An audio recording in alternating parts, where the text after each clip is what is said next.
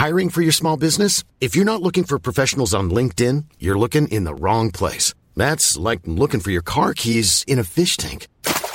LinkedIn helps you hire professionals you can't find anywhere else, even those who aren't actively searching for a new job but might be open to the perfect role. In a given month, over 70% of LinkedIn users don't even visit other leading job sites. So start looking in the right place. With LinkedIn, you can hire professionals like a professional. Post your free job on linkedin.com slash people today.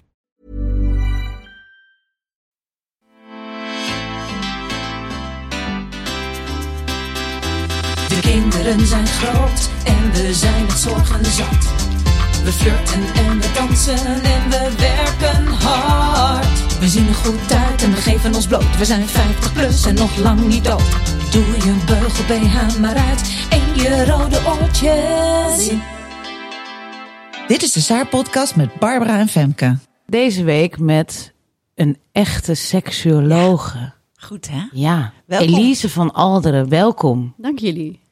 Ja, ik vind het heel spannend. Heel spannend. We hadden die relatiecursus gedaan. We kregen heel veel vragen van vrouwen over seks. Ja, Dus daar gaan we het zo uitgebreid over hebben. Eh, het lijkt wel alsof een heleboel mannen niet meer willen. nou, Met er de zijn, vrouw? dus inderdaad, er zijn veel, eh, nou, er zijn ook vrouwen die, die er geen, zelf geen zin meer in hebben, maar er zijn toch ook wel veel mannen die dan niet meer met hun vrouw naar bed willen, wat ik eh, ook wel pijnlijk vind. Dus laten we het daar eh, allemaal over gaan hebben. Ja. En überhaupt seks in lange relaties vind ik ook toch altijd wel fascinerend hoe je dat een beetje leuk. Ik heb altijd het idee dat niemand dat Niemand echt heel seks. goed voor voor. Nee, jawel, nou, maar dat niemand. Mensen doen het nog wel, maar natuurlijk niet meer echt zo heel. Oh, wat een passie! Nou, kan niet wachten totdat ik thuis ben. Weet je, dat is ja, sorry, maar misschien jij wel. Dus ik ben heel benieuwd. Ik hoop dat jij met een heel ander verhaal. Ja, precies. zo, Oh nee, maar echt, ik kan niet wachten tot ik weer naar huis. nou, eh, we gaan eerst gewoon. eh, hoe was je week? Mijn week, ja. eh, goed.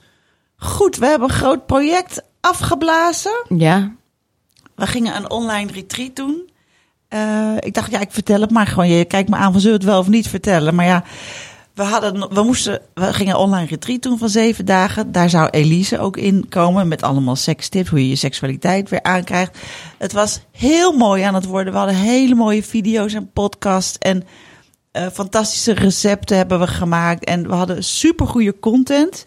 Maar we moesten nog heel veel maken. En we moesten ook nog heel veel eh, meer mensen zien te werven. Want er waren gewoon niet genoeg eh, aanmeldingen, vonden we. We waren niet tevreden. Nee, en we hadden, we hadden het gewoon niet goed genoeg op de rit in de zin van wat het format was. En ik Nee. denk dat men, het mensen niet helemaal duidelijk was van wanneer ga ik dit doen? Vind ik dit echt leuk? Past dit bij mij? Terwijl ik denk dat het heel goed bij mensen past. Want ik was er zelf heel enthousiast over. En Ja. ik denk dat, dat heel veel mensen dat hadden kunnen zijn. Maar ik denk dat we daar nog een beetje meer aan moeten sleutelen. Dus we Ja. hebben het gisteren de nek omgedraaid. Ja, En, maar de, eh, content was goed, maar zeven dagen lang. Elke dag om zeven uur met elkaar sporten. Elke dag met elkaar koken. En dan s'avonds weer leren en livestream sessies. Het was gewoon Het was te veel. misschien te veel en, en te veel dat je dat in zeven dagen moet doen. Dus uh, Dus we komen ermee terug, maar dan in een andere vorm. andere en met manier. even goede, sterke, fantastische content. Dus dat komt allemaal. Eh daarom is het nog leuker dat Elise er nu is, want die zou eigenlijk in dat retreat zitten. Dus Precies, en nu is ze voor jullie allemaal aanwezig. ja, ja. Dus we gaan even snel eh, door het eh, programma heen en dan gaan we het over seks hebben. Over seks hebben. Nou, laten we eerst wel even iets gaan reten. Ja, Elise, we doen altijd iets reten. Soms zijn het glazen van de blokker. Soms zijn het eh, mannen met eh, boodschappentasjes. opgevouwen boodschappentas. Dat vind ik zo onsexy. Een man met een opgevouwen boodschappentas. Ja, dat vindt Barbara heel onsexy. maar deze week gaan we het hebben over haarwassen. En ik sloeg daar meteen op aan, omdat Barbara, die, eh, ja, die heeft daar iets mee. Die, die zegt ook altijd tegen mij, jij wast altijd je haar elke, elke dag, hè? Femke was elke dag haar haar. Wat, hoe gaat het? Jij, jij staat op en dan rommel de rommel. Max geef je dan aan je man. En dan gaat je man weg met Max en dan ga je douchen. En dan ga ik douchen en dan ga ik gewoon mijn haar wassen. En dan doe ik er ook elke dag conditioner in.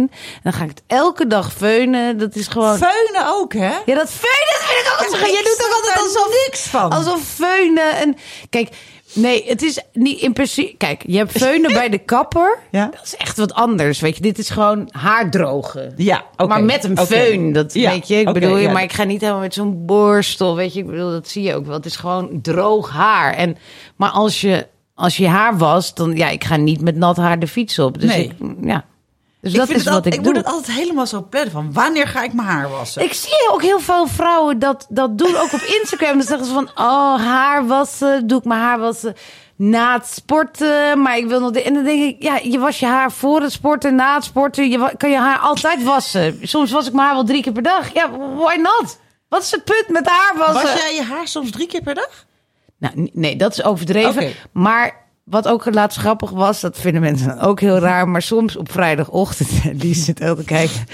gaat dit gaat over? het over seks. We gaan zo aan Elise vragen hoe. eh, ja, ja. Precies. Soms ga ik op vrijdag eh, werk ik thuis, zeg maar. Dan zit ik 's ochtends nog een beetje vertiefd in mijn bed te werken. En dan, ga, en dan moet ik om één uur sporten. Dus dan ga ik om 12 uur ga ik douchen. En dan, ik heb jou al een keer aan de telefoon gehad en een andere vriendin. En dan zeg ik, ik moet nu ophangen, moet douchen, want ik moet zo gaan sporten. Dan ga je eerst douchen voor het sporten. Ja, ik ga toch niet in mijn vieze, met mijn vieze vette haren en mijn vieze zweetoksels bij die personal Nee. trainer Maar staan. als je gisteren je haar gewassen hebt, heb je geen vies vet haar. Jawel. Ik sta- oh, ik, Nee, maar dat is waar. Oh. Kijk, als je haar heel vaak wast, ik doe het niet voor niks, hè, dan, dan, dan, dan wordt het gewoon vet. Dus ik Ah, zou, dat is natuurlijk Ik zo. zou, ik, ik heb echt aan het eind van de dag krijg ik bij mijn slaap en hier Nou, krijg ik vettigheid, omdat dat haar daaraan gewend is. En je kan dat ontwennen, Ja. maar dan moet je dus zeg maar met zo'n weken vies- ellende. Ja, waarom zou ik dat doen? nee, dat snap ik. Dus, dus heb ik, dan, dan ga ik dus mijn haren wassen. Dan ga ik sporten. Dan ga ik mijn kind uit school halen. Dan ga ik weer een beetje werken. En dan ga ik s'avonds ga ik weer douchen. Omdat ik denk, ja, ik ga niet met een sportlijf Nee. in bed. En dan was ik mijn haar weer. Want Maar het dat hoort nou eenmaal hoeft bij. dus nee, het hoeft niet. Maar het, hoort nou eenmaal bij het doucheritueel. Ja, dat snap ik wel. Dat snap ik wel. Ik, ik, ik douche ook voor het sporten. Je moet er niet aan denken dat je stinkend uit je bed gaat Oké, sporten. oké, dat vind je oké. Ja, dat vind je Ja. oké. oké. Ja, maar het gaat over lichaamsgeur. Ja. Eventueel die ik natuurlijk niet heb. Ik het heerlijk. maar eh, Elise, hoe vaak was jij je haar? Ehm, twee keer in de week. Ja, precies. Oh ja, dat Denk schijnt ik. normaal te zijn, ja. Denk ik. Als, Ja. ik. als ik geluk heb, kom ik daar dan aan toe. Ja, precies. Maar Ja. aan toekomen, ik bedoel, we- we- je gaat wel kinderen. onder de. Ja, maar je gaat toch wel, je gaat wel onder de douche, toch? Dus wat maakt het uit of je even een shampootje over je haar doet? Of ga je dan. Ik denk ook wel eens bij jullie dat jullie dan 20 minuten staan in te soppen of zo. Wat, Nee, wat- het moet drogen, dat is het ding. Ik moet altijd zo plannen dat het wel kan drogen. maar waarom feun je het niet? Ja, want van dat föhn wordt het, dan, dan gaat het dood van. En dan, ik, als ik het Ah, laat drogen, dan krijg ik meer slag erin. Als ik het feunen, wordt het zo van rare... Oh, ja, dat, dat, dat snap ik. Dat kan per haar verschillen, Ja. zeg maar. Bij mij maakt het niet uit. Oké, dan duurt het een uur voordat het droog is. Precies, Toch? bij mij duurt het wel twee uur. Ja. Wat, heb jij, heb jij, doe jij feunen? of ik wat heb doe geen je? föhn. Je hebt geen Ik heb geen föhn. Nee. Ik wil, die hangt heel prominent zo naast me wasta, alsof ik in een hotelkamer zit. Ja, weet je? maar Ik heb hem nog nooit gebruikt. Hij is ook al 30 jaar oud, denk ik. Wauw. Ja, dit zijn de, de, de verschillende lifestylen van Ja. mensen. Ik vind het ook vreemd, want dan heb ik het gewassen en dan zit het een dag niet goed. En dan zit het twee dagen goed en dan ga ik weer richting... Oh, nu moet ik weer gaan wassen. Ja, ja.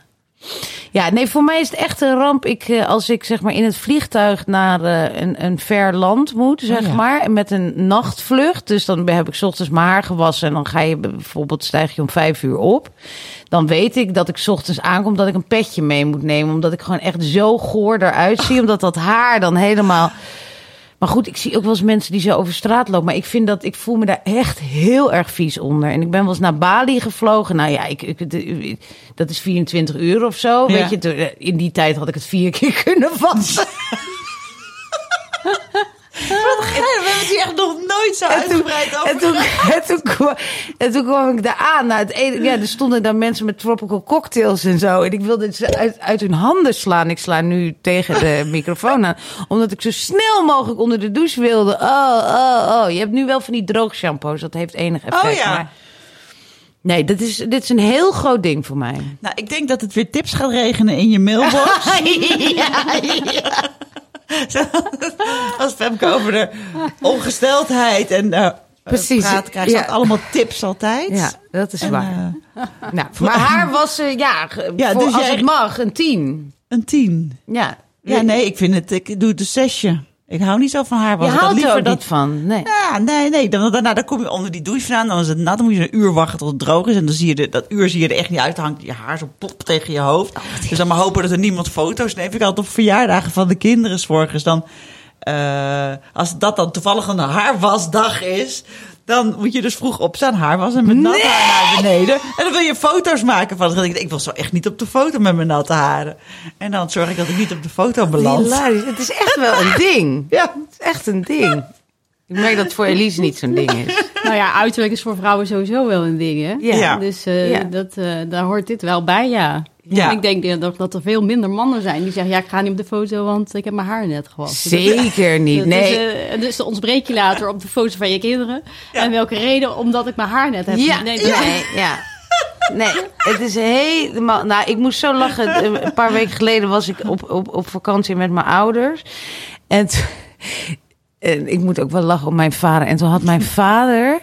Die, we gingen naar een of andere grot eh, op Kreta, waar op Kreta het regende, dus dan moet je wat. Dus we gingen naar zo'n grot met stalagmieten en stalactieten. En die grot was echt, dat was de mooiste grot van Kreta, maar het was echt, je was er zeg maar binnen vijf minuten doorheen. We hadden er twee uur naartoe gereden. Nou, het was Oh, hilarisch. ja, dat- dat en soort toen, uitjes, precies, ja. en toen zaten En we... vies eten naast de grond. Ja, ja, ja. En toen zaten we dus een ijsje te eten. Mijn moeder zei zelfs, het ijs is hier niet lekker, want er zitten stukken ijs in. Het was van Oh, het ijs wat te, te te lang. lang in de bak had gezeten, Oh, zeg maar. vorige zomer. Dus ik zat een beetje naar mijn vader te kijken. En toen dacht ik, wat heeft hij nou weer aan ook? Weet je, ik zei, heb je nou je pyjama jasje nog aan? Toen zei hij, ja, weet je, het is vakantie. Ik had gewoon geen zin.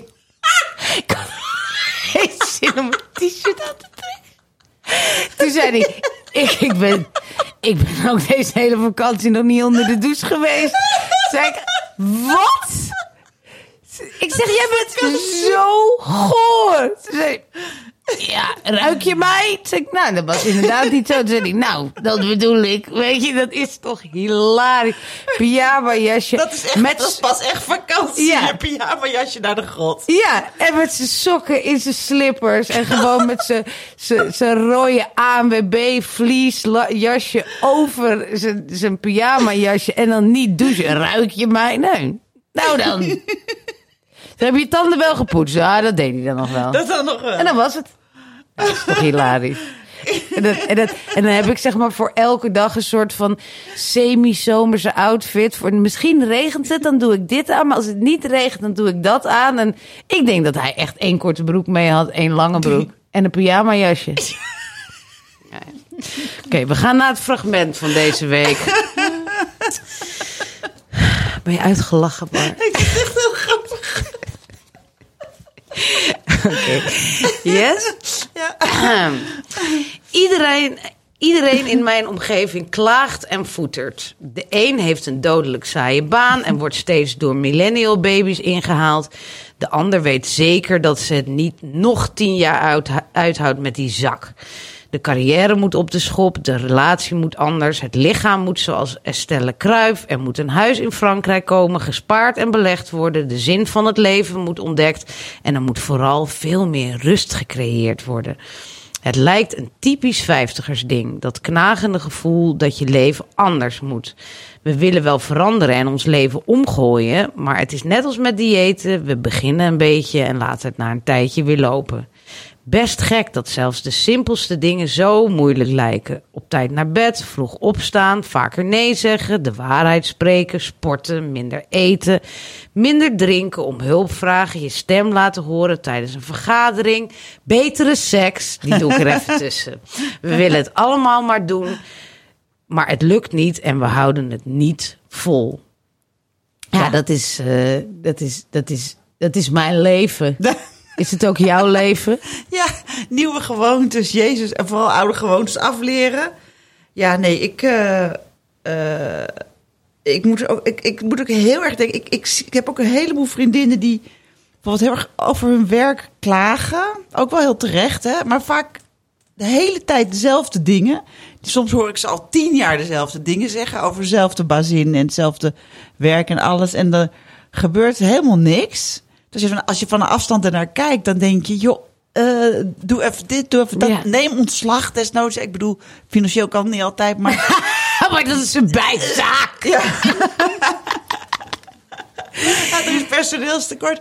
Het is zo moeilijk als je er, dat je ergens in vastzit. Ja, en, En- dan het overzien en, en veranderen. Ja. En dat is inderdaad één ding. En het andere ding is volgens mij ook... Ik voel ook heel erg dat we, dat we de hele...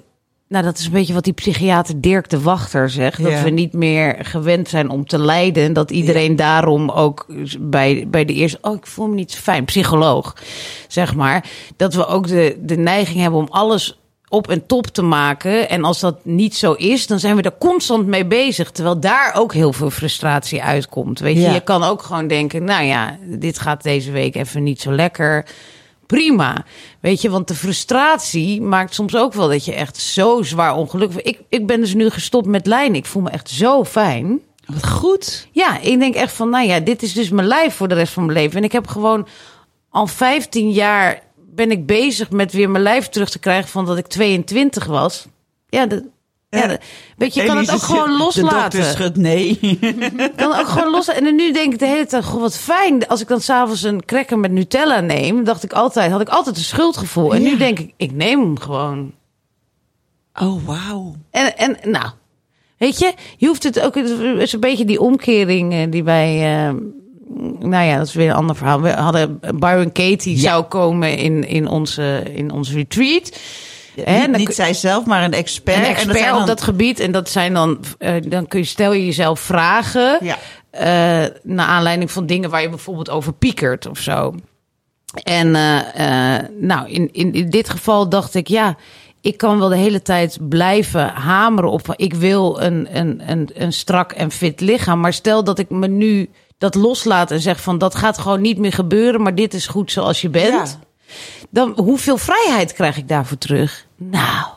Wat goed. Ja, want dit is dus de, de vraag is dan, ik moet lijnen. En dan is het waar. Nee, je moet helemaal niet lijnen. Is het, kan je absoluut zeker weten dat het waar is? Nee, Precies, niemand want- die je zegt, ik moet lijnen. Nee. En hoe zou je erbij zitten als je die gedachte niet had? Precies. Nou, die, heb- dat heb je dus nu. En totaal, en totaal anders. En het geeft je, weet je, je kan wel eens een boek lezen.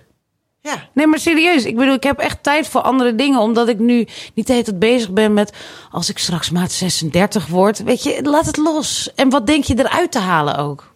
En dan heb je, heb je maat 36. Nou... Weet je, alsof daardoor alles beter wordt. En het hele ding is dat, dat ik graag wil dat mensen dan denken van... wow, die is slank.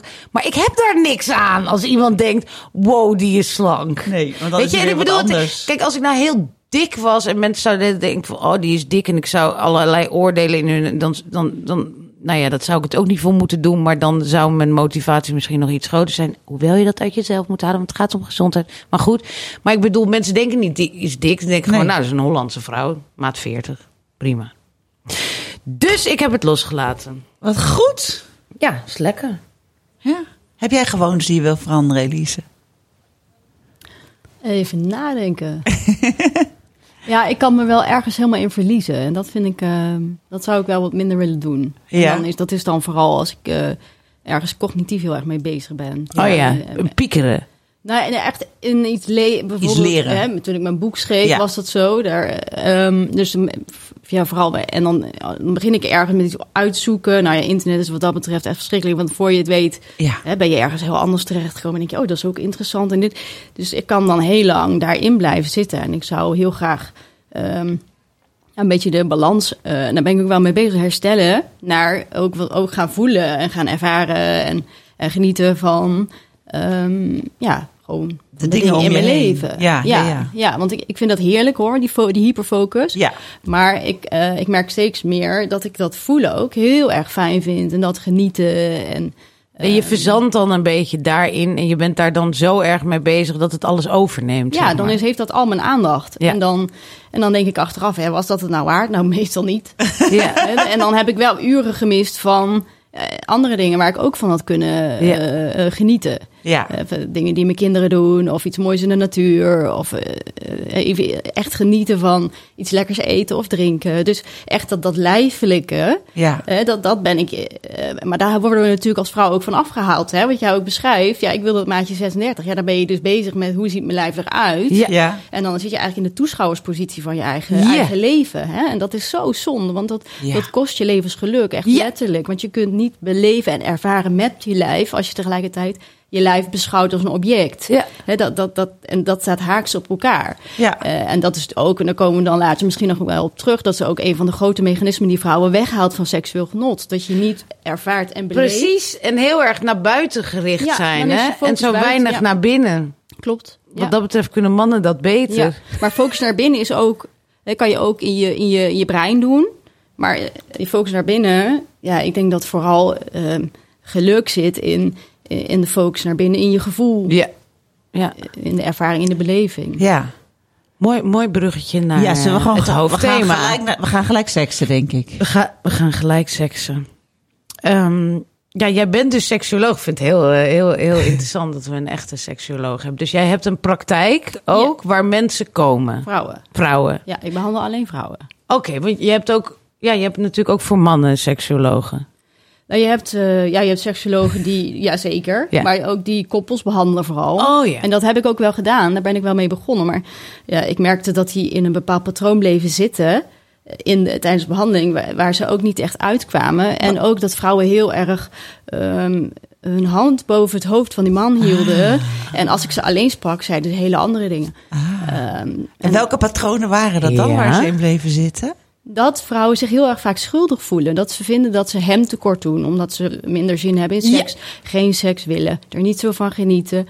Ehm, of vinden dat, eh, en dan gaan ze zich schuldig voelen eh, en vanuit dat schuldgevoel dan toch maar weer toegeven. Of ze vinden van, nou, hij heeft daar ook behoefte, hij heeft Ja. nou eenmaal zijn behoeftes, Ja. dus dan ga ik daar maar weer aan toegeven. Ja. Zo Anders dan wordt hij zagrijnig. ja, precies. Wordt chagrijnig, krijgen we ruzie. Of gaat hij vreemd? Gaat hij de relatie verbreken? Gaat hij hè, naar een prostituee? Nou, noem maar op wat voor angsten er dan eh, ook... Hè, daar worden vrouwen natuurlijk ook heel erg mee opgevoed. Van ja, maar die man is nou eenmaal die testosteronbom. Die is die Ja. jager. Die moet zijn zaad verspreiden. Je krijgt blauwe ballen als, jij, eh, hè, als je met zijn erectie laat, laat rondlopen. Allemaal grote onzin. Ja. Maar ja, het legt wel een bepaalde druk op vrouwen... eh, om, ja, om dan toch maar weer seks te hebben voor hem. Ja. Maar dan ben ik nu meteen heel benieuwd. Als je dan dus een vrouw alleen hebt, zeg maar. Laten we eh, denken aan een 50-plus vrouw. Ja. Ehm, hoe haal je die druk eraf, zeg maar? Want dit, ik denk dat heel veel vrouwen dit ervaren naar mannen toe. En, dan, en, dan, en daardoor schuif je je eigen seksualiteit een beetje onder die van de man. Ja. Weet je, dat pleasen zit er een beetje in. Dat- zo worden vrouwen gewoon geïndoctrineerd van jongs af aan. Ja, Ja. Hè, van seks is vooral iets voor en door mannen. Ehm, en als vrouw moet je dat vooral fa- faciliteren. Eh, vrouwen zijn ofwel seksueel passief, ofwel een seksueel object. Ja. Maar zoals we net zeiden, dat, dat, dat haalt ze alleen maar weg van hun eigen seksualiteit. En dat is ook een grote belemmering vaak in heel veel relaties. Die dus niet aan bod komt in die koppelgesprekken, maar wel één op één met een vrouw ja. dat vrouwen in hun relatie ook geobjectificeerd worden door hun eigen partner. Dus die kunnen niet rustig in de douche staan zonder dat hij ofwel een seksuele toespeling doet of even bij hun borsten komt pakken. Of ze lopen van de douche naar de slaapkamer in hun naakte, naakte zijn, zeg maar. En dan worden ze als seksueel object bejegend door hun man. En Dit is- dat, dit, is Wauw. zo, dit is zo waar. En ik word daar soms ook zo pissig van. ja, Dat ik dan echt, dan kom ik de- de badkamer uitlopen en dan zie ik meteen die oogjes zo gaan. En dan zeg ik, nee! ja, ja. ja, terecht. Ja, maar, Maar, ik bedoel... nee, maar wat doet dat dan, die, die objectificatie? Nou, dat is een introduceert een ongelijkwaardigheid. Want Ja. een object, ehm, ja, dat, dat zegt niks over jou als persoon. Dat voor jou, jouw lichaam met borsten en billen, zo een ander lichaam met borsten en billen. Dus het is een uiting van ongelijkwaardigheid. En Juist. met een object kun en hoef je ook geen rekening te houden. Dat kan niet. Dus je kunt ermee doen wat je Ja. wilt. Dus ja, ja. dus- Een object kan je neuken. Precies, Ja. ja. Het is dus ook heel gevaarlijk. Het is, een voeding, het is echt een hele grote voedingsbodem voor seksueel, grensoverschrijdend gedrag, seksueel geweld. Maar dat zijn de grote dingen, daar komt nu ook steeds meer aandacht voor. Maar ook in relaties, daar ben ik in, in die gesprekken met die honderden vrouwen die ik behandeld heb, is sprake van die ongelijkwaardigheid. Want als wij een maatschappij accepteren waarin prostitutie, playboy, eh, mainstream porno en lingerie geaccepteerd zijn. Ja, dus waarin het normaal is dat vrouwen zichzelf Ja, presenteren dan, als precies. seksobject. Dan, Dan dan, neem je dat leer mee. je dat ook. En Ja. ook die mannen. Ja, je kunt niet zeggen, ja, maar dat is de samenleving, dit is mijn relatie. Dat Ja. neem je allebei mee Ja, ja. In, in je relatie. Ja. Ja, maar ik vind het zo apart dat je dat andersom dan minder hebt. Dus Wat? die man wordt minder geobjectiveerd of zo. Want ik bedoel, ik, ik- ja, Ja. als mijn man uit de badkamer komt, dan denk ik, ja, ik, ken- ik ken die penis. Ik heb heel vaak gezien. Ja, en dat lijf ook. Ja. Ja, maar, nee, maar het is ook een. eh, het, is, het doel is die eh, onderdrukking van vrouwen, van seksuele objectificatie. Dat is het doel van. ja, maar dat is niet wat mijn man Nee. aan zich Nee, als nee, bedoeling nee, heeft. Nee, gelukkig niet. Nee, precies. Maar Maar, die- dus het is een soort van opvoeding Ja, daarin. er zijn, er zijn er wel, hè? Mannen die, die dat wel hebben, die, die, die heb ik ook wel eh, in mijn spreekkamer gezien. Ook de vrouwen, de partners daarvan. Maar de meeste mannen, die doen ook maar wa- wat de samenleving hen heeft geleerd. Ja, ze hebben niet eens door, denk ik. Wat, wat, wat ze doen, zeg Ze maar. hebben wat denk ik dat- wel door wat ze doen, maar ze, weten, ze hebben niet door dat dat die ongelijkwaardigheid creëert Precies, dat bedoel ik. Dat dat, er, Ja. dat, dat, dat dat een bepaald gevoel geeft. En wij, ik kan het ook niet heel goed uitspreken waarom ik het zo vervelend vind. Ik weet het niet. Ik denk, ja, ik Ja. vind het gewoon irritant. Nou, ja, waarschijnlijk omdat je dan als, eh, niet, meer, niet als mens wordt bejerend, maar als, eh, ehm, ja, ja. als, object. Ja. En je ja. denkt, ik, ik heb nu in mijn hoofd dat ik nu dit en dit en dit Ja, ga precies. doen. En hij lijkt nu met mij naar bed te willen. En daar heb ik nu even helemaal geen zin in, want ik ging dit doen. Ja, Ja. precies. Onderbreek me niet. Ja, maar dat is dat, dat naaktheid, hè? Naaktheid wordt geseksualiseerd. Terwijl Ja. dat gewoon in eerste instantie is dat hoe je wordt geboren. Ja. Hè, je lijf is je eerste en laatste thuis. Dus mijn behandeling is juist ook heel erg gericht op het deseksualiseren van, van lichamen en van, van naaktheid. En het daarna pas op je eigen manier gaan seksualiseren. Wauw, en hoe doe je dat? Ja, dat vind ik ook Je wel. naaktheid deseksualiseren? Ja, dat begint bij jouzelf als vrouw. Want Ja. vrouwen krijgen ook aangeleerd om hun eigen waarde te ontlenen aan het sexy zijn. Ja. Hè, aan het begeerlijk zijn, dus in, van, vanuit de male gaze. Ja. Ehm, maar je kunt niet sexy zijn en tegelijkertijd je seksueel voelen. En het gaat om je seksueel voelen. Ja. Sexy zijn gaat over hoe kom ik over op een ander, meestal een mannelijke ander. Ja. En je seksueel voelen is, ehm, wat is opwindend voor mij? Wat zijn mijn verlangens? Eh, Ja. Hoe kan ik genieten met mijn lijf van wat ik ook aan het doen ben? En dus ook van seks. Ehm, dus, want seks draait om kunnen, mogen, durven genieten van je eigen lijf. Ja. Ehm, dus, eh, en als je dan jezelf als eh, seksobject ziet, Ja. dan plaats je jezelf in de toeschouwerspositie van ja, ja, eigenlijk je eigen Ja. leven. Dus ik, eh, mijn behandeling is heel erg gericht enerzijds op vrouwen weer op hun gemak zich laten voelen bij hun eigen lijf, bij hun eigen naaktheid, bij hun eigen vulva en vagina. Die worden ook heel erg beschaamd eh, in onze samenleving of geseksualiseerd. Ja. Ehm, er zijn zelfs vrouwen die bijvoorbeeld wel de vingers of de penis van een man in hun vagina eh, toelaten en zelf nog nooit met hun eigen vingers dat- hebben gevoeld Ja, van binnen. precies. Dat, dat Ja. hoor je ook wel eens. Ja, dat is echt apart. Ja, Ja. ja. Ja. Of die dat een vies gebied vinden. Ja, je kunt Ja. niet verwachten dat je kunt genieten eh, van, eh, van je lijf en iets seksueels, waarbij je vulva toch ook een hele grote rol speelt als je je daarvoor schaamt of als je dat een vies gebied vindt. ja. Ja. Hey, en jij krijgt dus vrouwen in je praktijk eh, die een vraag hebben. Dus je ziet niet de, de, de, de doorsnede van de Nederlandse bevolking. Maar wat zijn de vragen waarmee ze komen? Is daar iets wat er bovenuit springt? Ja, veruit, veruit. De meest voorkomende aanmeldingsklacht is weinig of geen zin in seks. Ja. Dat is echt. eh, en dan eh, daarna komen eh, pijnklachten. En dat is dan eh, pijn bij penis- en vaginaseks. Mhm. Eh, of moeite met orgasme. ja. Oh ja. Dat, eh, dat zijn eigenlijk de, de, de, de drie grootste. Maar En kan je daar wat aan doen? geen of weinig seks staat zeker vooraan. Ja. Ja, zeker. Dus ja, Maar krij- hoe krijg je dat weer aan dan? Wat? Dus de, Zin in seks. Precies, want Of or, en orgasme. meestal zijn, of, dat zijn geen mensen die dat nooit hebben gehad. Nou, misschien sommigen wel, maar ik bedoel, over het, het is wel zo dat, nou ja, ja, ik mag niet generaliseren, maar dat eh, in je in je twintige jaren en met nieuwe vriendjes en zo, en dan langzamerhand eh, wordt het minder. Dat zie je natuurlijk ook wel veel. Dat zie je veel, ja. Maar ik zie ook heel veel vrouwen die eigenlijk nooit echt zin hebben gehad in seks. Ja, ja. Die er nooit echt van hebben genoten. Of die, ehm, en, en wat ik vind met geen zin in seks, het is eigenlijk altijd iets tussen twee mensen. Ik heb een- bijna nooit een vrouw die geen partner heeft op mijn spreken die zegt: Ik heb er nou zo last van dat ik geen zin heb in seks. Dus het is een verschil in seksueel verlangen eigenlijk tussen Ja. twee mensen. Ja. Eh, Meestal in mijn praktijk tussen een man en een vrouw. En dan is het degene met de minste zin in seks krijgt het probleem toebedeeld. Dat is toch meestal de vrouw. En dan moet je vrouw het nog oplossen ook. Terwijl die, ik, ja, de vrouw zou ook kunnen zeggen: Ja, wacht eens even. Ik vind dat jij te veel zin hebt. Dus zeg, ga jij maar naar een seksoloog. Maar dat gebeurt nooit. Hè? Dus, dus, dus dat, Ah. Ja, ja, dat is ook de standaard, de standaard dan. is Ja. zin hebben in seks. Ja. Het liefst twee keer in de week. Nou, waar dat vandaan komt, Ja. ik weet het niet. Maar het slaat nergens op.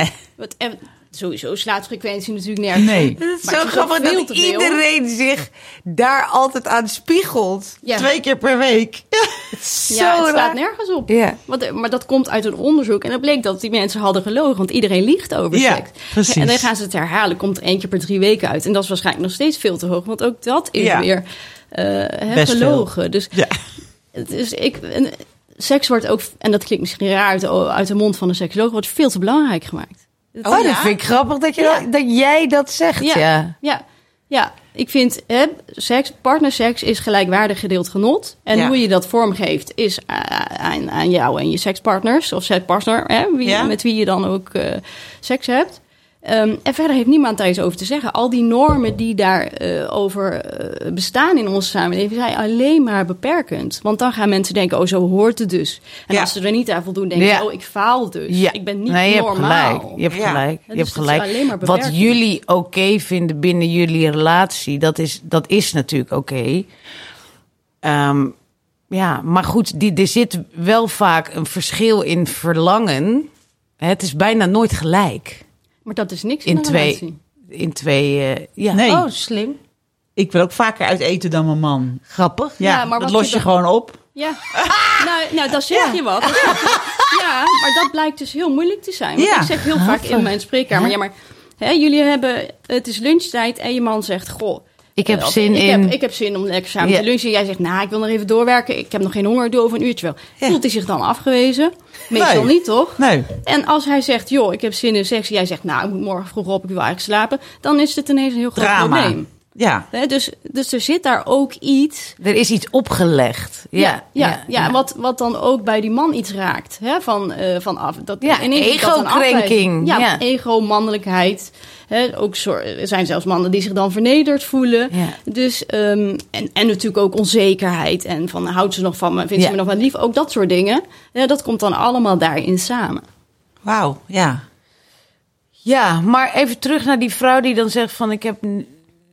Ja, ik wil dan toch even niet naar de vrouw die nooit echt veel eh, zin had, maar meer naar de vrouw die eh, vroeger wel zin had, maar nu minder. Eh, Omdat ze al 30 jaar samen zijn. zoiets, of omdat ze in de overgang is, weet ik veel. Ze is rond de 50, zeg maar.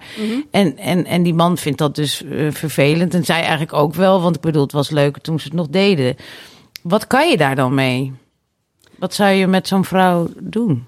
Ja, dus eh, voor mij heel belangrijk om te weten... wil ze het echt voor zichzelf of wil ze het Aha. toch voor hem? Ja, dat is ook wel een goede vraag, ja. Kan je- het zijn dat het gewoon bij afgenomen is bij je en dat je eigenlijk niet zoveel behoefte eraan hebt? Ja, dat is meestal zo. Ja, want jij zegt ook als ze geen partner hebben, dan is eigenlijk die, het verdwijnen van de seksualiteit geen probleem meer. Nee, en het, het gaat ook om het uitvragen. van Wat is het probleem? Want ik heb ook wel eens vrouwen gehad die zeiden van ja, ik heb wel zin in seks, maar één keer in de drie weken. En ik zeg ja, wat is dan het probleem? Ja, Ja. hij wil vaker. Dan denk ik ja, maar dan heeft hij dus een probleem en niet jij. Nee, één keer in de drie weken lijkt me prima. Ja, ja, maar en dan, maar dan nog, frequentie zegt ook Nee, nee, nee, tuurlijk, ja, ja. Want geniet, geniet je er dan van in één keer in die drie weken? Als dat niet het geval is, ja, dan is er, dan vraag ik me af, wat maakt dan dat je toch seks hebt? Hè? Er zijn bosjes vrouwen die wel seks hebben, maar niet vanuit hun eigen zin en opwinding. Ja.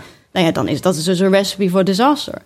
Dan, Ja. dan kun je er ook niet van genieten. Ja, ja, nou dat is wel grappig. Je zegt, als je, je, als je het uitvraagt, kun je erop stuiten dat het voor die persoon die het denkt dat het een probleem is, geen probleem is. Ja. En dat het probleem dus ergens anders ligt. Ja. Maar goed, ik wil ook weer niet helemaal geen rekening houden met die partner die, die meer zin heeft. Zeg maar, ik bedoel, kijk, je kan zeggen van, nou, dan ligt het probleem bij hem. Ik bedoel, het is toch iets wat je met elkaar, waar je met elkaar naar moet kijken, toch? Nee, dat is mooi dat je dat zegt. Want eigenlijk, eh, als ik doorvraag, komt er bij alle vrouwen uit... ik ben bang dat er iets mis is met mij, toch wel. Hè? Want ik voldoe niet aan het plaatje Ja. wat geschetst wordt door de maatschappij. Ah, ja, ja. Eh, maar ook, ik voel intuïtief ook wel dat er iets mist. En dat is waar ik mijn behandeling op richt. Want er mist altijd iets, omdat wij als vrouwen vanaf onze geboorte worden weggehaald van ons seksuele genot. Van de mo- mogelijkheden de hele daartoe. Voor mannen en vrouwen zijn die gelijk, precies gelijk. Ja. Maar vrouwen worden daarvan afgehaald omdat van oudsher seksueel genot van vrouwen als gevaarlijk wordt gezien. En daardoor is bijvoorbeeld de kennis over de clitoris altijd uit de geschiedenisboeken en de anatomieboeken gehaald. Daardoor zijn er allerlei mythes eh, de wereld in geholpen die mannelijke seksualiteit eh, superieur maken. Ja. En daardoor is dus ook die lichamelijke objectificatie en die seksuele objectificatie. Wat is dan een mythe, een mythe over de vrouwelijke seksualiteit die we allemaal allemaal veel kennen? moeilijker en Oh eh, ja. om opgewonden te worden. Ja, en, ehm, dat is een mythe. Ja, en het is ook dat klaarkomen. Ja, sommige vrouwen kunnen dat gewoon niet meer. En Ja. van nature hebben ze gewoon minder zin in seks. En, eh, Allemaal niet waar. Nee, nee, groot onzin. Ja, dat is echt, het, het werkt gewoon hetzelfde. Seksualiteit is hetzelfde voor elk mens. Ehm, en Maar waarom maakt, ervaren veel vrouwen die, die mythes die je nu noemt wel als waarheid? Omdat ze er van jongs af aan mee geïndoctrineerd worden. Het, is- het is overal. Het is in Ja. je bi- biologieboek al. Eh, het wordt op de basisschool soms worden al de, worden jongens en, en meiden al in twee kampen gezet. En worden jongens als de stoere, daadkrachtige, eh, seksuele, hè, Penetrerende. penis-eigenaren neergezet. En is heel hard penetrerende. Maar, maar ehm, ik heb ook wel, nou laat ik het maar even voor mezelf zeggen. Ik heb ook wel het idee dat ik meer moeite heb met klaarkomen dan mijn man. Ik bedoel, dat is, dat is me dat dan geïndoctrineerd en daarom is het zo? Nee, jij, omdat jij je hebt, eh, door al die factoren heb jij een minder sterke verbinding met je eigen seksualiteit. Oh, oké, En dat staat een beetje in de Het weg dus niet van, van het nature. orgasme. Ja, Het ja. is niet omdat je van nature een vrouw bent, maar omdat jij gesocialiseerd bent tot vrouw, Mhm. ehm, heb jij minder sterke verbinding met je eigen seksualiteit. Hè, dus met je eigen, en ja. dus ook met je ja, eigen er staat iets in de weg, Ja. zeg maar. Ja, Ja, ja, ja, ja, ja. Ja, Ja, zo is het. oké. En hoe krijg je dat dan weer weg of minder? Ja, dat is, ehm, mijn behandeling is daarop ook gericht. Daarom Ja? behandel ik alleen vrouwen. Een partner Ja. komt er alleen maar bij als het echt heel moeizaam gaat. Nou, en dan heb je dus ook een hele moeilijke man. Die Oh. echt vindt bijna dat hij recht heeft op seks. En, Oh. en haar niet met rust laat. Eh, Nou, die dan zijn zou ik alleen echt- al zeggen eh, scheiden. Ja, maar die zijn er dus veel meer dan je, dan je denkt. Oh ja, echt? Ja. En kan je daar dan wat mee? Want je wordt toch woedend van zo'n kerel die dan zit, zit te zeiken? Nou ja, die, ik, eh, die woede is. Ik hoop dat uiteindelijk die woede komt bij de vrouw tegenover mij. Door wat ik haar. eh, hè, Leer, door de inzichten die ik haar geef. En dat zij vanuit die woede haar grenzen kan gaan zetten. En zeggen: joh, hoe jij het doet, vind ik echt niet oké. En dit moet veranderen. Ja. Eh, maar dan moet ze wel eerst die seksuele autonomie hebben. Ja. ja. ja. ja. En daar richt ik mijn behandeling dus ook op. Dus hoe krijg je die barrière weg? Ja, dat is, eh, zijn meerdere stappen. De eerste is absoluut eh, contact maken met je eigen seksuele opwinding. Seksuele opwinding is de toegangspoort naar seksueel genot. En naar wat jij verder ook allemaal gaat doen op seksueel gebied. Als jij geen seksuele opwinding voelt, zeg ik altijd, kan je beter iets anders leuks gaan doen. Want dan, dan gebeurt het niet. Gaan we lekker uit eten. Lekker uiteten. Ja, toch? Heb je haar wassen of zo? Oké, ja. En hoe Ja. ontdek je dan wat je seksualiteit is? Precies, en hoe kom je in contact met die opwinding als hij er niet is? Ja, die, ehm, die is er eigenlijk nooit, of die is er nooit spontaan. Dat is ook zo'n mythe. Het is niet, ik zit op de bank en ik ben ineens zo opgewonden. De seksuele nou, die opwinding- mannen wel hoor. Nee, ook niet. Dat is ook een mythe. Er is altijd Oh. een prikkel. Maar mannen zijn zich... Veel mannen, ik wil mannen niet over één kam scheren. Want er zijn er ook... Al die klootzakken. Ja, precies. Nee. nee, er zijn heel veel ook lieve mannen en lieve mannen die dit niet hebben. Maar Ja. heel veel mannen hebben toch ook wel echt het denkbeeld... dat ze inderdaad spontaan opgewonden worden. Dat is gewoon niet. Gaat altijd een Maar prikkel wel aan vooraf. sneller. Ja, dat klopt. Omdat zij daar veel... Omdat, je open voor staan. Nee, omdat zij daardoor de samenleving veel meer toe worden eh, uitgenodigd. En eigenlijk wordt het wordt bevorderd. En bij vrouwen wordt het juist afgeremd. Dus daardoor krijg je een heel groot verschil. Hè, zij, op, je, zij, eh, ehm, ja, zij zetten ook een leren om een bepaalde drang te krijgen bij seksuele opwinding. Van ja, maar dat moet nu. Ja, ja. Die moet nu bevredigd worden. Ja. Dat hoeft niet. Het is iets heel anders dan honger en dorst. Dit, Ja. maar toch hebben heel veel mannen zich dat wel aangeleerd. En dat Ja. is ook een groot probleem. Dat je als vrouw dan die drang... eh, heel, veel, heel veel vrouwen voelen die drang. Ja, ja, ja. Ja. En daar, daaraan oh, daar moet ik voldaan dus moet worden. Ja, Ja. Maar, maar Dus hoe krijg je dat dan precies. aan? Oh, ja, hoe hoe, ja. hoe Nee, krijg je het aan bij, je. Ja, bij jezelf? Nou, Wat dan kun ga je dus in de eerste instantie jouw eh, seksuele opwinding daar vertrouwd mee worden en vrij in worden. Want heel veel vrouwen voelen alleen seksuele opwinding als zij partnerseks hebben. En vind, denken dus ook dat dat iets is dat door hun partner in hun moet worden opgewekt. Of dat Oh, alleen maar nee, kan dat ontstaan bij partnerseks. Nee, dat maakt me echt niet uit. Maar ja, oké. Ja. Nee, maar dat is dus ook inderdaad niet zo. Dat je dus ehm, eerst vrij wordt en bekend wordt met je seksuele opwinding. En dus ook weet wat er absoluut moet zijn. Wil je kunnen genieten van seks? Want er zijn heel veel vrouwen die hebben wel seks, maar voelen geen seksuele opwinding. Ja, dan, dan gaat dat genieten Ja. eh, en dat orgasme ook niet komen. Nee. Dus dat, eh, dat is alleen voelen en ervaren. Mhm. Dan ga je dus prikkels opzoeken die potentieel eh, opwindend zouden kunnen zijn. Die leg jij ook voor aan een cliënt. dus dat, je, dat je zegt van misschien kan je eens dit proberen. Want wat voor dingen moeten er gebeuren bij die vrouw om die prikkel op te wekken? Ja, dat Geef je daar pornofilmpjes of wat? Of juist niet? Nou ja, porno is natuurlijk een dingetje. Want de, de, de meeste mainstream porno is vernederend voor vrouwen. Ja. Is gratis verkrijgbaar. Dus dat, dat ze moeten al zeggen van dat klopt niet. Eh, dus als, ik, als je visueel geprikkeld wordt, want daar gaat het om. Hè, het is niet een heilige graal of zo, die, die, die porno.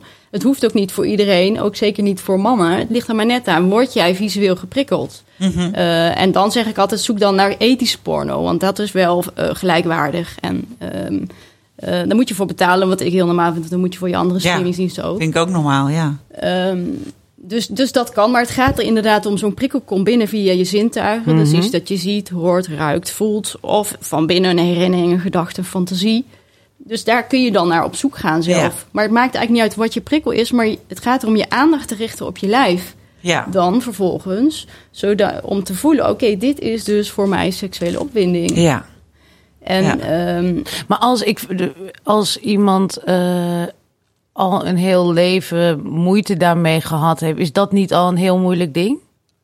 ja, valt heel erg mee. Want Oh, ik ja. denk dan, dit, dit, dit, dit is constant aan de hand in het leven. Dus ik bedoel, als je het, dan heb je al honderd ervaringen gehad waarbij dat had kunnen komen en dat komt dan niet. Dus wat kan jij dan extra doen waardoor het dan wel komt? Nou, meestal is het alleen is het echt gebonden aan die partnerrelatie. En ik haal het daarvan los. Oh, ze zijn zo bezig met dat moet alleen met mijn partner en dan voel ik het niet Ja. en dan is het niet goed. Ja, ja, Dit ja. is echt zelf. Want als ik vraag van hoe voelt seksuele opwinding voor jou, dan kunnen ze dat heel vaak niet benoemen. Of alleen in het kader van partnerseks. Dus Ja, dat, ja. Ze, dat ze ook weten, oké, zo voelt seksuele opwinding voor Ja. mij. Maar dat zijn dus ook vrouwen die niet zelf masturberen of pornofilmpjes kijken. Nou ja, dat zou je denken, maar heel veel wel. Maar heel veel vrouwen, als ze een zelfbevrediging doen, dat is toch meer een mechanisch gebeuren. En dan zetten ze gewoon een hup een vibrator op hun clitoris en komen ze in een paar minuten klaar. Of tien seconden. Kan ook nog. Ja, dat gaat echt nergens over. Ja, dus dat is heel mechanisch. eh, ik heb niks tegen seksspeeltjes, maar ik vind dat dus leuk voor erbij. De, de basis is echt je eigen lijf, huid op huid. Want dan weet je precies wat je aan het doen bent. Ehm, krijg je de feedback. eh, en weet je wat, jij, wat lekker is voor jezelf. Als je daar een stuk eh, silicoon of glas tussen zet, Ja. weet je dat niet. En heel veel vrouwen zetten eh, een vi- vibrator op hun clitoris als die niet helemaal vol met bloed zit. Of als ze helemaal geen, niet echt opgewonden zijn. Dus kun je je afvragen, is dat dan echt wel iets van seksueel genot? Of Ja. is het meer een, ja, echt een ontlading? Precies, ja, ja, ja. Want je kan dus ook ontladen zonder dat die hele opbouw er is geweest. Kwam Ja. ik achter. Ja, Ja, heel ja dat apart. kan. Ja. Dat kan, ja. En heeft dat te maken met, want we krijgen net een cadeautje van jou. Dat is een soort, eh dat lijkt er wel, ja wat is het? Een, dru- een druiventrosje? Nee, een, eh, ja, een, Een een vogelpootje met twee ballen. En er steekt een heel klein stokje uit. En dat is dan de klit als we die kennen volgens mij. Dat is de top. Ja. Dat is de top. En daar zit dus een heel ding achter. Ik zal Ja. hem wel eh, op de foto zetten ergens Ja. op onze socials. Moet je maar even kijken. En dat is de hele klit. Het is een, he- best wel een groot ding.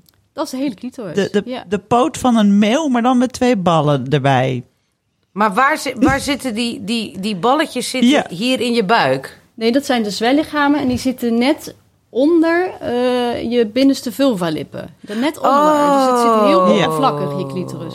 Ja. Het zit heel Oh, hij zit helemaal... Ja, ja, ja, ja, ja. Oh. Ik laat, ik laat nu de klit vallen, jongens. Sorry. En moet je dat puntje stimuleren of kan je ook die balletjes stimuleren? Nou ja, dat is, dat is aan elke vrouw om zelf te ontdekken wat Ja. lekker is. Maar ehm, eh, wat meestal wel zo is, eh, is, en dat kun je ook al heel goed zien bij jonge meiden, die doen dat intuïtief. Hè? Die wrijven met hun vulva over een knuffelbeer, over een kussen, over de rand van de Ja. tafel.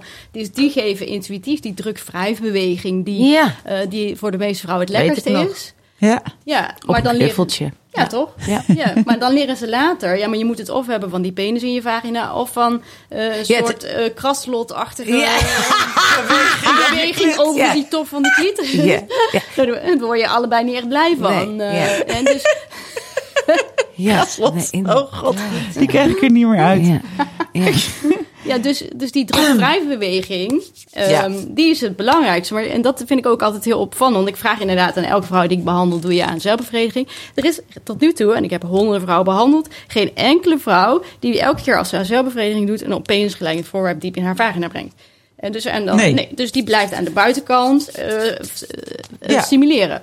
En, dan, en een man, nou, die beweegt, die beweegt zijn penis wel ergens in. En dan vraag je, hoe doe je nou aan partnerseks? Ja, die penis zit ergens in. Dus partnerseks eh, volgt heel erg de mannelijke stimulatie, het mannelijk seksueel genot. En, en, en ja, dat ja, is dus ja, een en van de dat grote problemen. precies. En dat laat jij dan zien. Zo van, kijk, kijk, dit vind jij lekker bij als je met jezelf bezig bent, maar dat gebeurt er tijdens de seks met met je Ja. partner. En misschien moet je dat meer integreren of zo. Nou, ik, ik, eh, ik zeg niet, dit vind je lekker. Ik, zeg, ik geef ze de uitnodiging om te gaan ontdekken zelf. Ja. Hè, want wat is nou, wat vind jij lekker? Dus helemaal los van de partnerseks. Dus ik geef ook het advies, zolang jij hiermee bezig bent, juist geen partnerseks. Daar is dus ze blij mee Dat zijn. leren. Dus dat ze blij mee zijn thuis. Maar goed, je, uiteindelijk wil zo'n vrouw wel weer op een gelijkwaardige manier goede seks met haar partner hebben. Ik denk dat ze daarom ook komt. En als dat dan echt ook de beweegreden is, hoe breng je het gemak van met jezelf, hè, als je die seksualiteit en de opwinding weer een beetje gevonden hebt in jezelf, hoe breng je die weer terug in de relatie? Dat daar ook, want het gaat heel erg om dat er ruimte binnen die partnerseks is voor dat gevoel van die vrouw. En je moet ook ruimte durven nemen, want die man neemt vaak nogal veel ruimte. Hoe, hoe wa- Ja. nou, verzeg daar eens wat Ja. over. Ja, nou, dat is inderdaad, ehm, dat is zeker ook onderdeel van de behandeling. Het- gaat over als vrouw je eigen seksualiteit ontdekken, dus je eigen seksuele opwinding. Eerst vrij worden van je, in je lijf, vrij van schaamte, seksualisering, eh, ongemak, ontevredenheid. eh, dingen die eraan zijn gehangen in de maatschappij. Ja, vrij van schaamte lijkt me best wel een uitdaging ook. Is het ook? Ja, ja. En hoe ja. doe je dat? Ja. Ehm, door eh, eh, spiegels het raam uit te gooien. Hè, Ja. dat, dat adviseer ik dan, want dan, dat is puur objectiviserend de spiegel. En te gaan voelen. Zelf je eigen lijf helemaal aanraken, helemaal vrij worden. Dat op een gegeven moment niet, geen verschil maakt of je een hand op je wang of een hand op je blote vulva legt. Ja, ja. Eh, dus dat, dat, dat, dat daar geen lading op zit, ook geen seksuele lading. Dus je hele lijf is van jou. Ehm, en je- zo ervaar je dat ook, hè, als je eerste en laatste thuis. Dus je, je, je lijf is van jou en dan ga je er zelf op een seksuele manier van genieten. Zo leer je jezelf kennen, leer je wel wat je lekker vindt. Ehm, en in dit proces eh, zeg ik altijd geen partnerseks, maar juist wel heel veel lichamelijk contact. Ah ja. Want die lichamelijke intimiteit is vaak verbonden met seksuele intimiteit. En dat is eigenlijk een verarming van de relatie. Want eh, ik hoor heel veel vrouwen die zeggen... maar ik wil ook gewoon een keer lekker knuffelen. Dat zeg ik ook altijd. Nou, hup, nou dan ligt er alweer zo'n eh, harde penis tegen je aan. ik wil gewoon even knuffelen. Maar dat is gewoon bijna niet te doen. Nou ja, een erectie is een van de meest overschatte fenomenen ter wereld. Hè? Ga ik vanavond vertellen. Wat je? Want- Nou, je ik- moet er eigenlijk niks mee. Je- Nou, ja, we leren een erectie is, hij moet seks, maar dat Ja. is helemaal niet zo. Hè? Een, een man kan om heel veel redenen een erectie krijgen. En in een kleine fractie daarvan is seksuele opwinding. Maar omdat zowel mannen als vrouwen zelf denken, oh, dat is dus, ik moet seks hebben. Ja, dus dan moet het. gedraagt iedereen zich daar ook naar. Maar dat Ja. is niet zo. Als een man ehm, ja, heel erg aan het genieten is, gewoon op een sensuele manier, dus dat is niet seksueel, Ja. kan die ook een erectie krijgen. Dus ehm, het, het betekent helemaal niks. Maar Behalve dat in zijn kop meteen schiet van nu. dat, en Ja. bij vrouwen ook. nuke. Bij, ja, bij, ja, bij veel mannen wel. Ja, ja. Maar ik geef dus ook altijd het advies, heb, heb een erectiegesprek, hè, dus heb het erover. Wow. Dat is een mooi woord, joh. Heb een erectiegesprek. Ja. Wat, wat, ja? wat En is dat- een erectiegesprek? Dan heb je het dus over van eh, jij als vrouw vertelt van wat het met je doet, die erectie. En jij als man vertelt wat het voor je betekent. Ja. En daar kan al heel, dan haal je ook dus, want een beetje de roze olifant in de kamer vaak, hè, want die is er. En oh, Ja. Ja. maar goed, dan zeg ik dus van, nou, ik vind, ik vind jouw eh, grote penis soms een beetje eh, bedreigend. Mhm. En dan zegt hij, ja, maar dan wil ik jou zo graag. ja, en dan? Wat, Dan hoe wil ik gaan we jou- de- Ja, dan wil ik jou zo graag. ja. Dat zegt hij dan. Ja. ja. En dan? Ja, dan kun jij daar dan weer op reageren. Ik wil gewoon knuffelen. Ik, ja, ik, wil, ik wil gewoon knuffelen. Soms. Ja, ja, en dan, als dat dus heel vaak gebeurt en jij dat echt als belemmering ervaart, en dat is voor heel veel vrouwen zo, dan eh, geef ik het advies: ga eh, lekker heel veel knuffelen. Ook naakt op naakt. Ga samen douchen, elkaar strelen, eh, naakt in bed lekker tegen elkaar aanliggen. Ehm, en geen niks seksueels. Dan zal hij opgewonden worden, maar dat is ook, ook heel goed om dan te ervaren dat daar dus geen drang op hoeft te zitten. Want die seksuele opwinding die verdwijnt gewoon weer. Ja. Daar hoeft helemaal niks mee te gebeuren. Ehm, en als je dat dus doet, dan doorbreek je dat die samen zitten. Die Ja. lichamelijke en die seksuele Ja, intimiteit. ja, ja, ja. Dat, is- dat is wel echt een goeie, ja.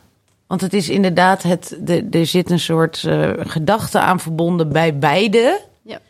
Dat je, dat je, want hij mag dus komen en weer gaan. Terwijl je denkt de hele tijd, ik moet zorgen dat hij niet komt. Ja. Die erectie. Ja, ja, dat klopt. Dat klopt. Koste wat kost, dient dit voorkomen te worden. Ja, behalve als je het wil, Ja. zeg maar. Ja. Maar ik bedoel, per ongeluk hè, veroorzaak je hem ook wel eens. En daar denk je, oh, foutje, sorry, sorry, sorry. Maar je hoeft geen sorry te zeggen. Nee, dat is nooit jouw verantwoordelijkheid. Laat hem maar gaan. Ja, maar het is ook de vraag, is het seksuele opwinding? En dat is dan aan hem om te echt te gaan voelen. Van, ja, ben ik eigenlijk wel opgewonden of is het gewoon iets heel anders? Ja. Dus het is, wordt veel te belangrijk gemaakt. Oh, zo interessant. Oké, maar we waren nog even bij... Want jij zei de schaamte. en toen eh, kwamen we bij... Eh, hoe bouw je het weer op? ja, hoe bouw je het dan dus je gaat op? eerst je eigen lichaam ontdekken. Ja, en, dan hoe moet neem je die ruimte in, Nou, ja, in de partnerseks, zeg Ja. maar? Om Ja. te zeggen, nee, niet zo snel. Oh, oh. God, ik vind het zo spannend.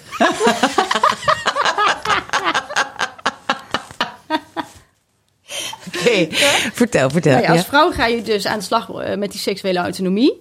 Eh, in de relatie is er niks eh, seksueels, maar wel heel erg dat lichamelijke. Ja, dus juist het loskoppelen daarvan. Knuffelen, strelen. Ja, en, en dan ga je ook in gesprek om die emotionele verbinding aan te gaan. Heel veel mensen zeggen, ja, maar die seks is zo belangrijk zonder dat zijn wij broer en zus. Ja. Maar je hebt ook nog een emotionele intimiteit en een lichamelijke intimiteit... die als het goed is het meest diepgaand zijn met je eigen partner. Ja.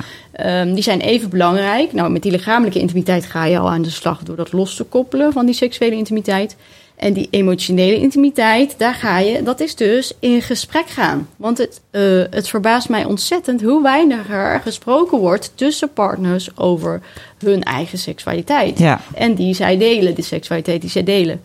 Ehm, en dan ehm, geef ik altijd het advies eerst in gesprek te gaan over eh, angst, onzekerheid, schaamte, boosheid, verdriet die er is op het gebied van seksualiteit omdat je een bepaalde veiligheid nodig hebt. Kijk, je hebt geen liefde nodig om lekkere seks te hebben. Je kunt prima zonder liefde lekkere seks hebben. Je hebt lust nodig voor lekkere seks.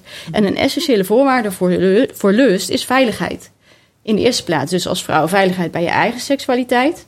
Ja. Ehm, en ook daarnaast bij partnerseks veiligheid in je relatie. En die veiligheid zit dus op dat lichamelijke gebied. Niet als seksobject behandeld worden, want dat geeft een onveiligheid. En die veiligheid zit op het emotionele gebied. Dat er dus openheid is over seks. Ehm, en die veiligheid creëren doe je dus eerst door die schaamte, onzekerheid, eh, dat soort dingen te bespreken. Ja. Daar creëer je de veiligheid om vervolgens de verlangens, de wensen en de grenzen te bespreken die je hebt op seksgebied. Kan je dit iets meer concretiseren, zeg maar, aan de hand van een voorbeeld wat je kunt anonimiseren, zeg maar? Want wat voor gesprek ga je dan aan? Met elkaar? Ja, je kan bijvoorbeeld wat, wat, ehm, wat heel veel eh, angst, is, eh, of het, wat, wat veel vrouwen vervelend vinden om te zeggen, is bijvoorbeeld: ehm, Ik vind de, de manier van seks hebben die wij nu hebben, vind ik eigenlijk helemaal niet lekker. Precies, want dan, dan zeg je dat na twintig jaar Precies, bijvoorbeeld. Hè? ja. Nou, dat eh, heb je, kan je meteen uit elkaar. Ja, Ja. ja. Ja, dat is heel moeilijk. Of ik heb al die tijd niet klaar, ben ik eigenlijk niet klaargekomen.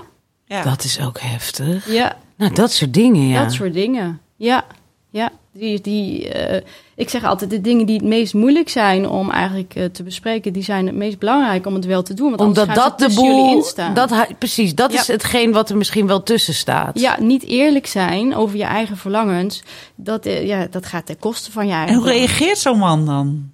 Ja, dat, dat is per man. eh, Verschillend. Loopt er ook wel eens eentje meteen de deur uit?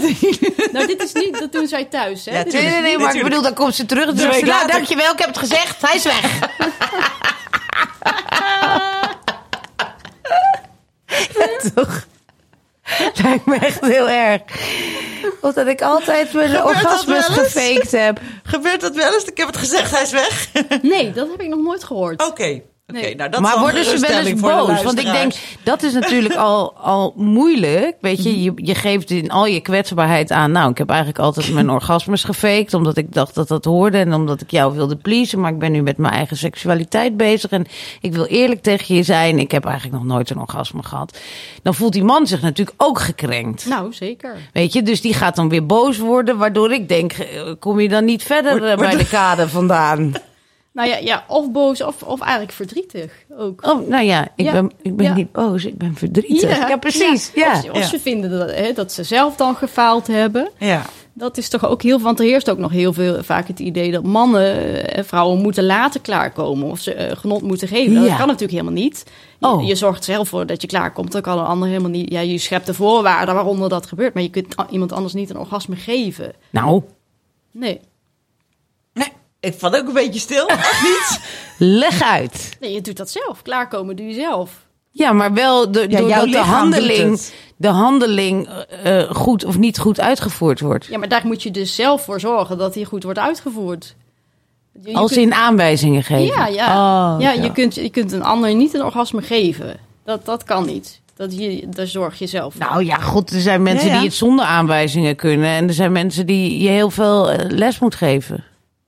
Mannen bedoel je? Of, Ja, ja, of, ja, ja. ja, Mannen. Ze, ze bedoelt mannen. Ik bedoel, mensen als in mannen.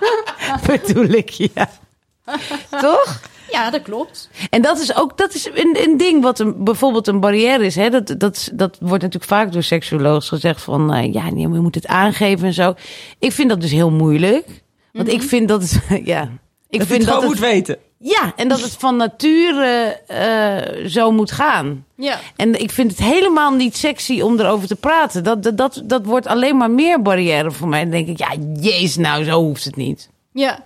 Vind jij zeker heel stom? Nee, ik vind niks stom, maar ik begrijp dat wel. Want dat is ook het beeld dat gecreëerd wordt. Hè? Dat, dat is superseks. Dat we elkaar aanvoelen en we Ja. praten niet. En komen- gooi me tegen de muur. En dan weet je dat ik dat lekker vind en ja, zo. en, dan je- komen we ook nog tegelijkertijd klaar en dan hebben we het Walhalla bereikt. Ja, dat- dat- zo ja. moet het. Ja. Ja, en ni- niet zo van, ik zou het fijn zitten vinden als je me tegen de muur zet. Ja, dan, dan, dan heb ik al een slappe.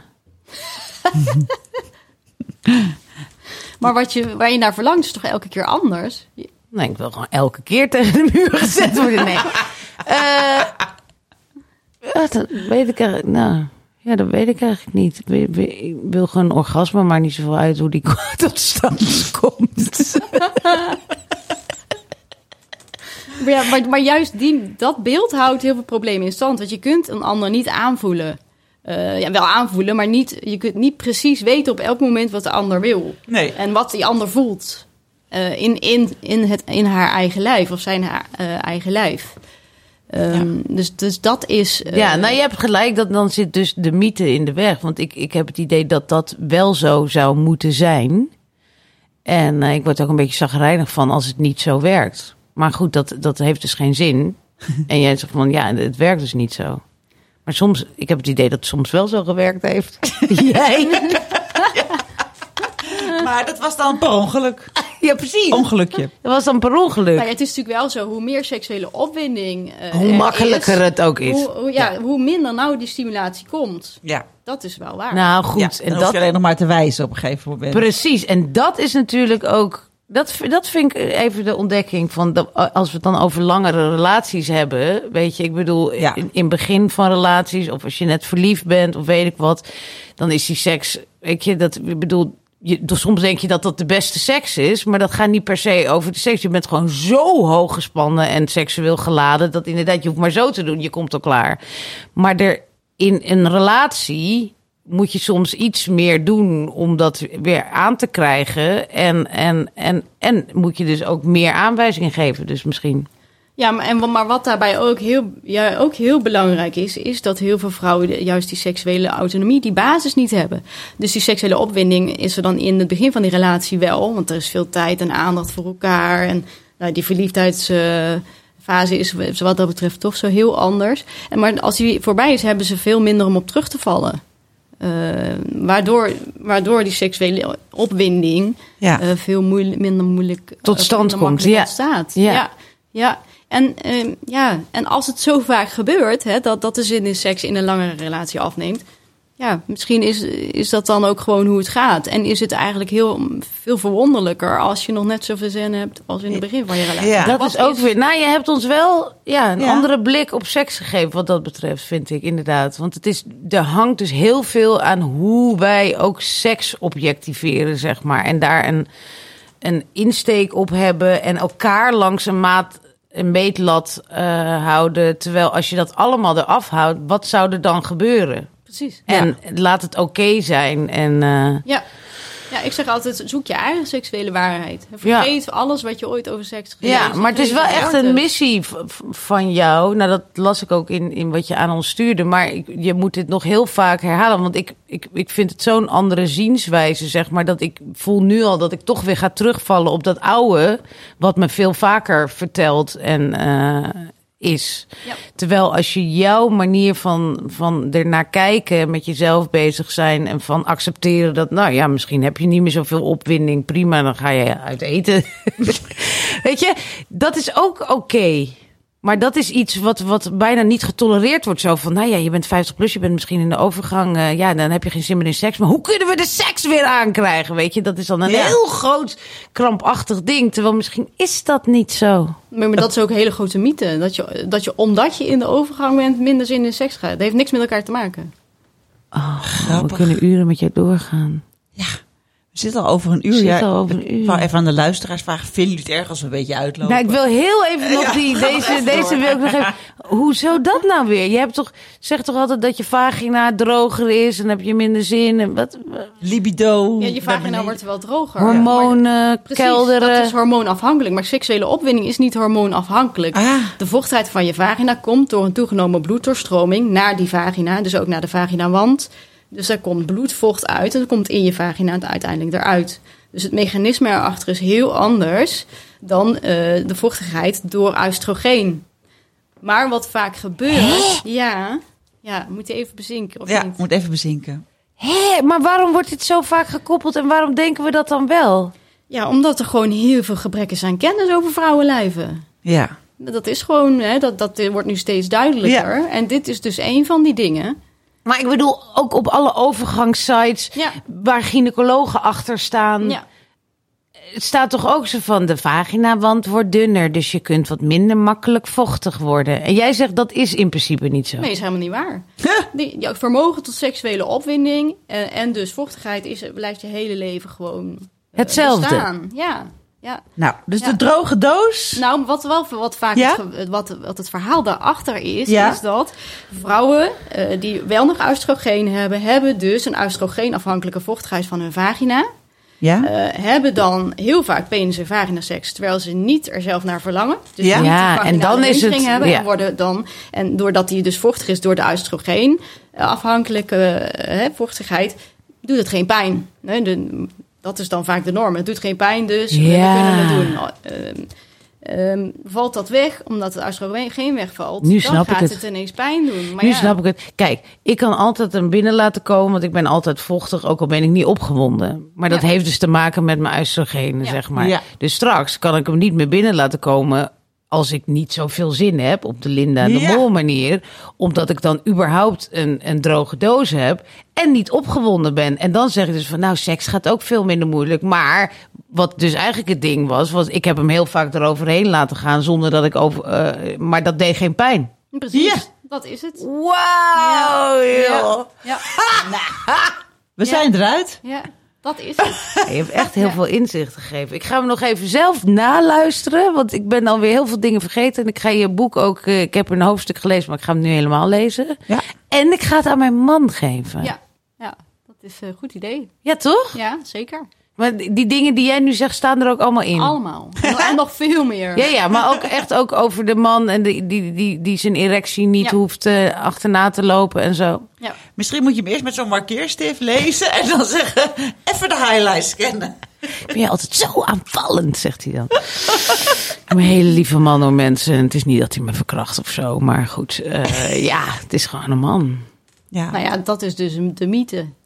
Ja, nee, dat is de mythe.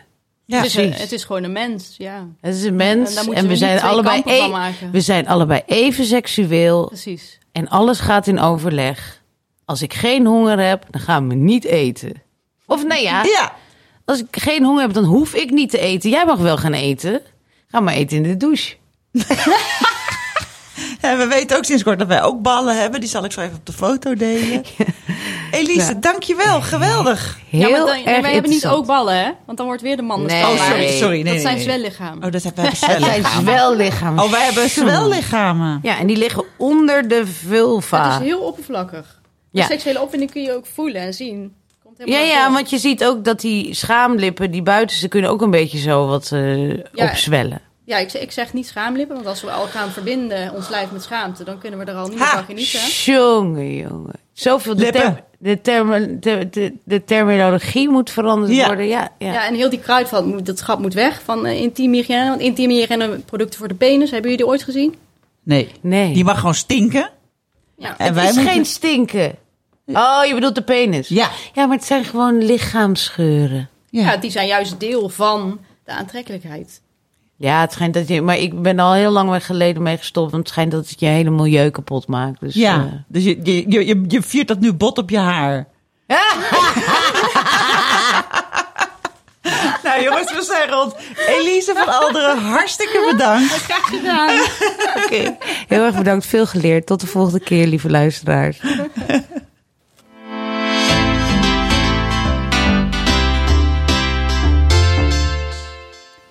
Hoi, ik ben Barbara van Erp. Ik ben oprichter van Saar Magazine. Zoals je weet is Saar niet alleen een podcast, maar ook een hele beweging. We hebben een tijdschrift dat zes keer per jaar uitkomt. We hebben een website, we hebben cursussen.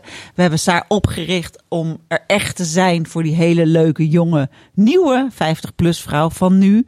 Want eh, we vinden dat er voor eh, vrouwen met jonge kinderen is er meer dan genoeg. Voor jonge mensen is er meer dan genoeg. Eh, bejaarden als doelgroep, dat kennen we ook wel. Maar wij worden eigenlijk overal vergeten. Adverteerders adverteren tot 49 jaar. Eh, of ze hebben trapliften in de aanbieding. Nou ja, dan mag je met 80 beginnen. Maar voor ons is er gewoon helemaal niks. Dat betekent ook dat we het niet van adverteerders moeten hebben, maar echt van onze lezers. Uh, we proberen jullie zoveel mogelijk gratis aan te bieden, maar we moeten ook ergens geld verdienen. We zijn een klein kantoor, we hebben geen hoofdkantoor in New York, maar een klein kantoortje aan de Amsterdamse grachten, waardoor we een tikkeltje grachtengordel zijn, inderdaad. Waarvoor excuses? Nou, kijk eens even op saarmagazine.nl slash abonnement. Zo duur is het niet en je helpt ons er enorm mee. Dankjewel. Even when we're on a budget, we still deserve nice things. Quince is a place to scoop up stunning high-end goods for 50 to 80% less than similar brands. They have buttery soft cashmere sweaters starting at $50, luxurious Italian leather bags, and so much more. Plus, Quince only works with factories that use safe, ethical, and responsible manufacturing. Get the high-end goods you'll love without the high price tag with Quince. Go to quince.com slash style for free shipping and 365-day returns.